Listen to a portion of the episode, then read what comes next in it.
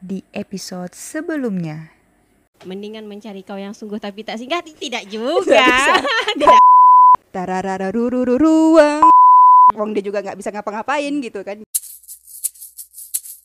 Jackpot, putar dulu podcastnya.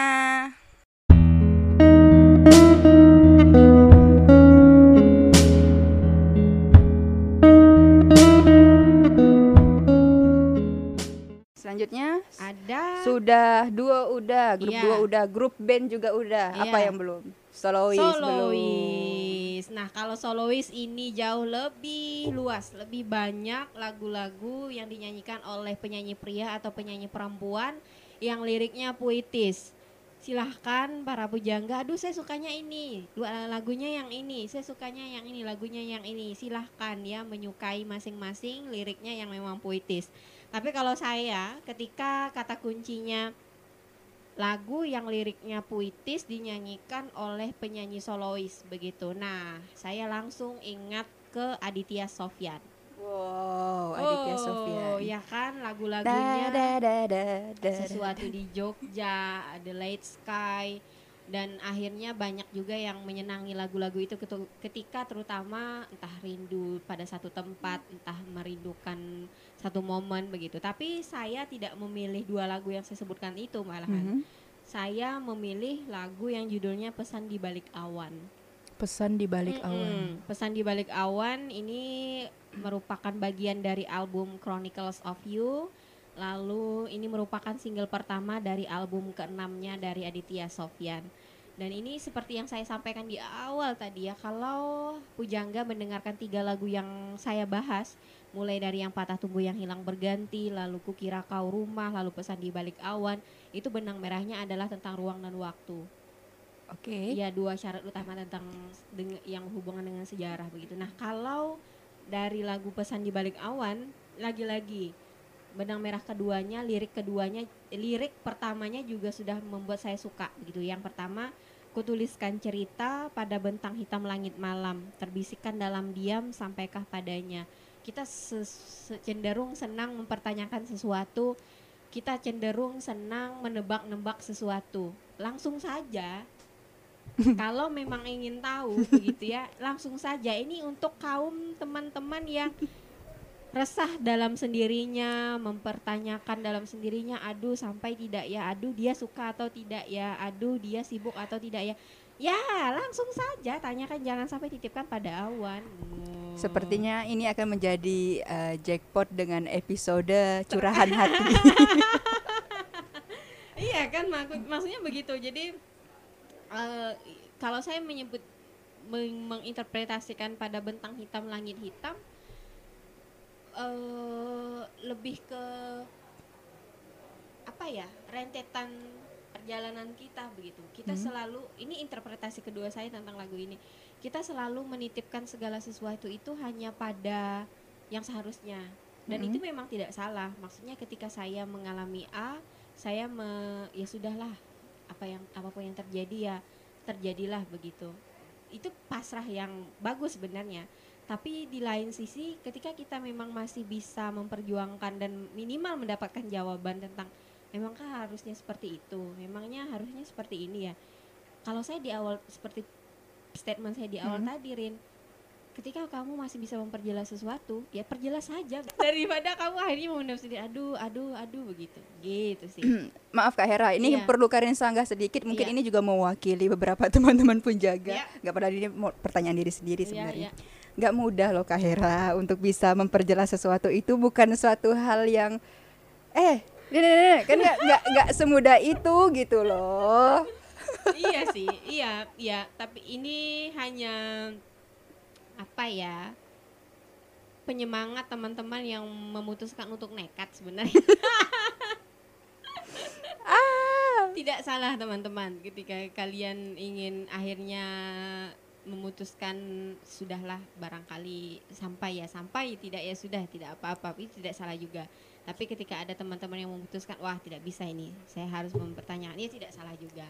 Begitu kira-kira pesan di balik awan. Kalau dengarkan liriknya lanjutan ini jauh lebih menyenangkan begitu ya lagu-lagunya begitu dan em, lebih kepada kepada pertanyaan-pertanyaan sebenarnya. Entah itu pertanyaan untuk Aditya Sofian sendiri ataukah dia mempertanyakan hal-hal yang lainnya. Karena Hmm. lirik-liriknya itu lebih banyak ke pertanyaan. Sudahkah sampai padanya? Lalu sudahkah kau membacanya? Lalu itu sudahkah kau membacanya itu sampai diulang tiga kali dalam lirik ini begitu. Sudahkah kau membacanya? Sudahkah kau membacanya? Sudahkah kau membacanya? Dia lebih banyak memberikan pesan dia lebih banyak memberikan ini kode ya kalau bahasa Kode. anak muda pujangga sekarang.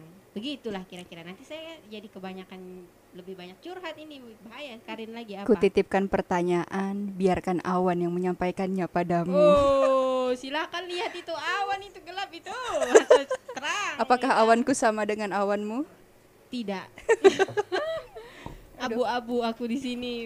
Biru cerang, eh, biru Hmm. terang di tempatmu. Oh, ih, bahaya Sudah, sudah, sudah, sudah, sudah, sudah, sudah. Jangan sampai nanti jackpot buka segmen baru tentang Iya. klinik. Klinik LDR, klinik LDR. Kak Hera punya Aditya Sofian, Iya. Karin datang membawa penantang. Wes, dari Solois ronde, Karin.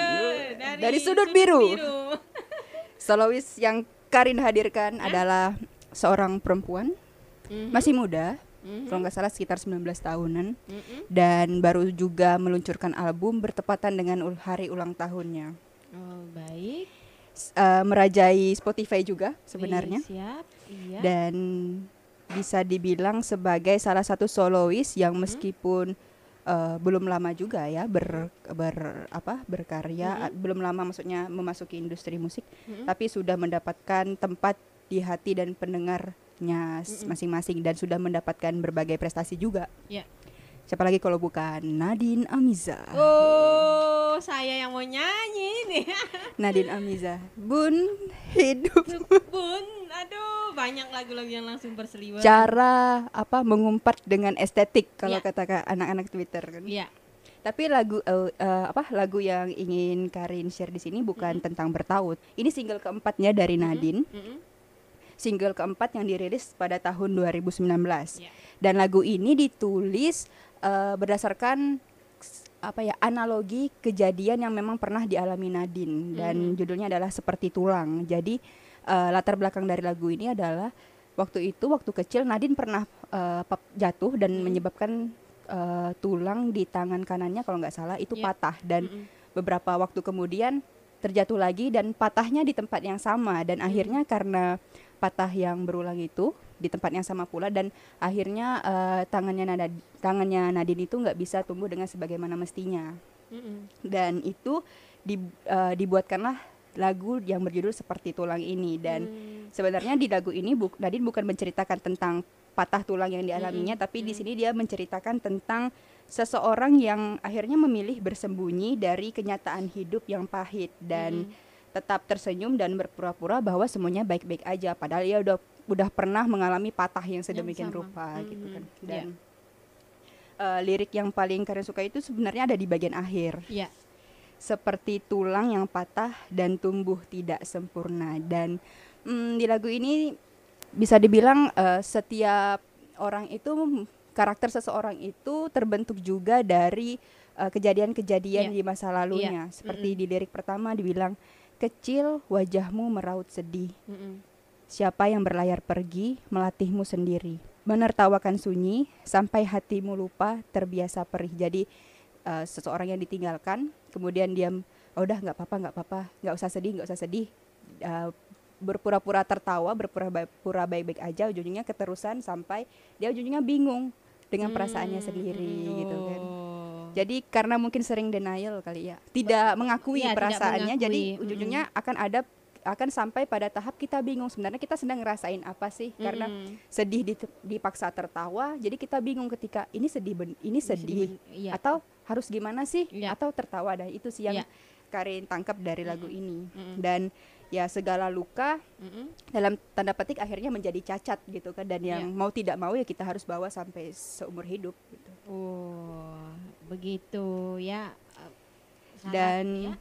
dari uh, lagu-lagu ini uh, kenapa Karin menganggap ini sebagai lagu yang memili- memiliki Uh-uh. uh, lirik yang puitis Mm. karena eh, mungkin orang-orang sering berpikir kalau puitis itu selalu identik dengan romantis, Iya. dengan cinta-cintaan. Iya. Tapi ternyata dari lagu-lagu ini Hmm. eh, nggak semuanya gitu bercerita tentang cinta-cintaan. Ada yang bercerita tentang eh, perjalanan hidup, tentang ruang dan waktu tadi Iya. konsepnya Heeh. Kak Hera. Walaupun mungkin beberapa interpretasi akan meng- eh, bilang oh ini tentang cinta. Nggak Hmm. semua pui- eh, hal-hal yang puitis itu selalu berkaitan Selalu dengan hal-hal yang berhubungan- romantis. ya, Dan dari lagu-lagu ini juga kan eh, selain diksi-diksinya yang nggak biasa Mm-mm. gitu kan, Mm-mm. kata-kata yang indah, pemilihan-pemilihan kata yang akhirnya membentuk rima Mm-mm. dan itu kan hal-hal yang eh, puitis gitu sih.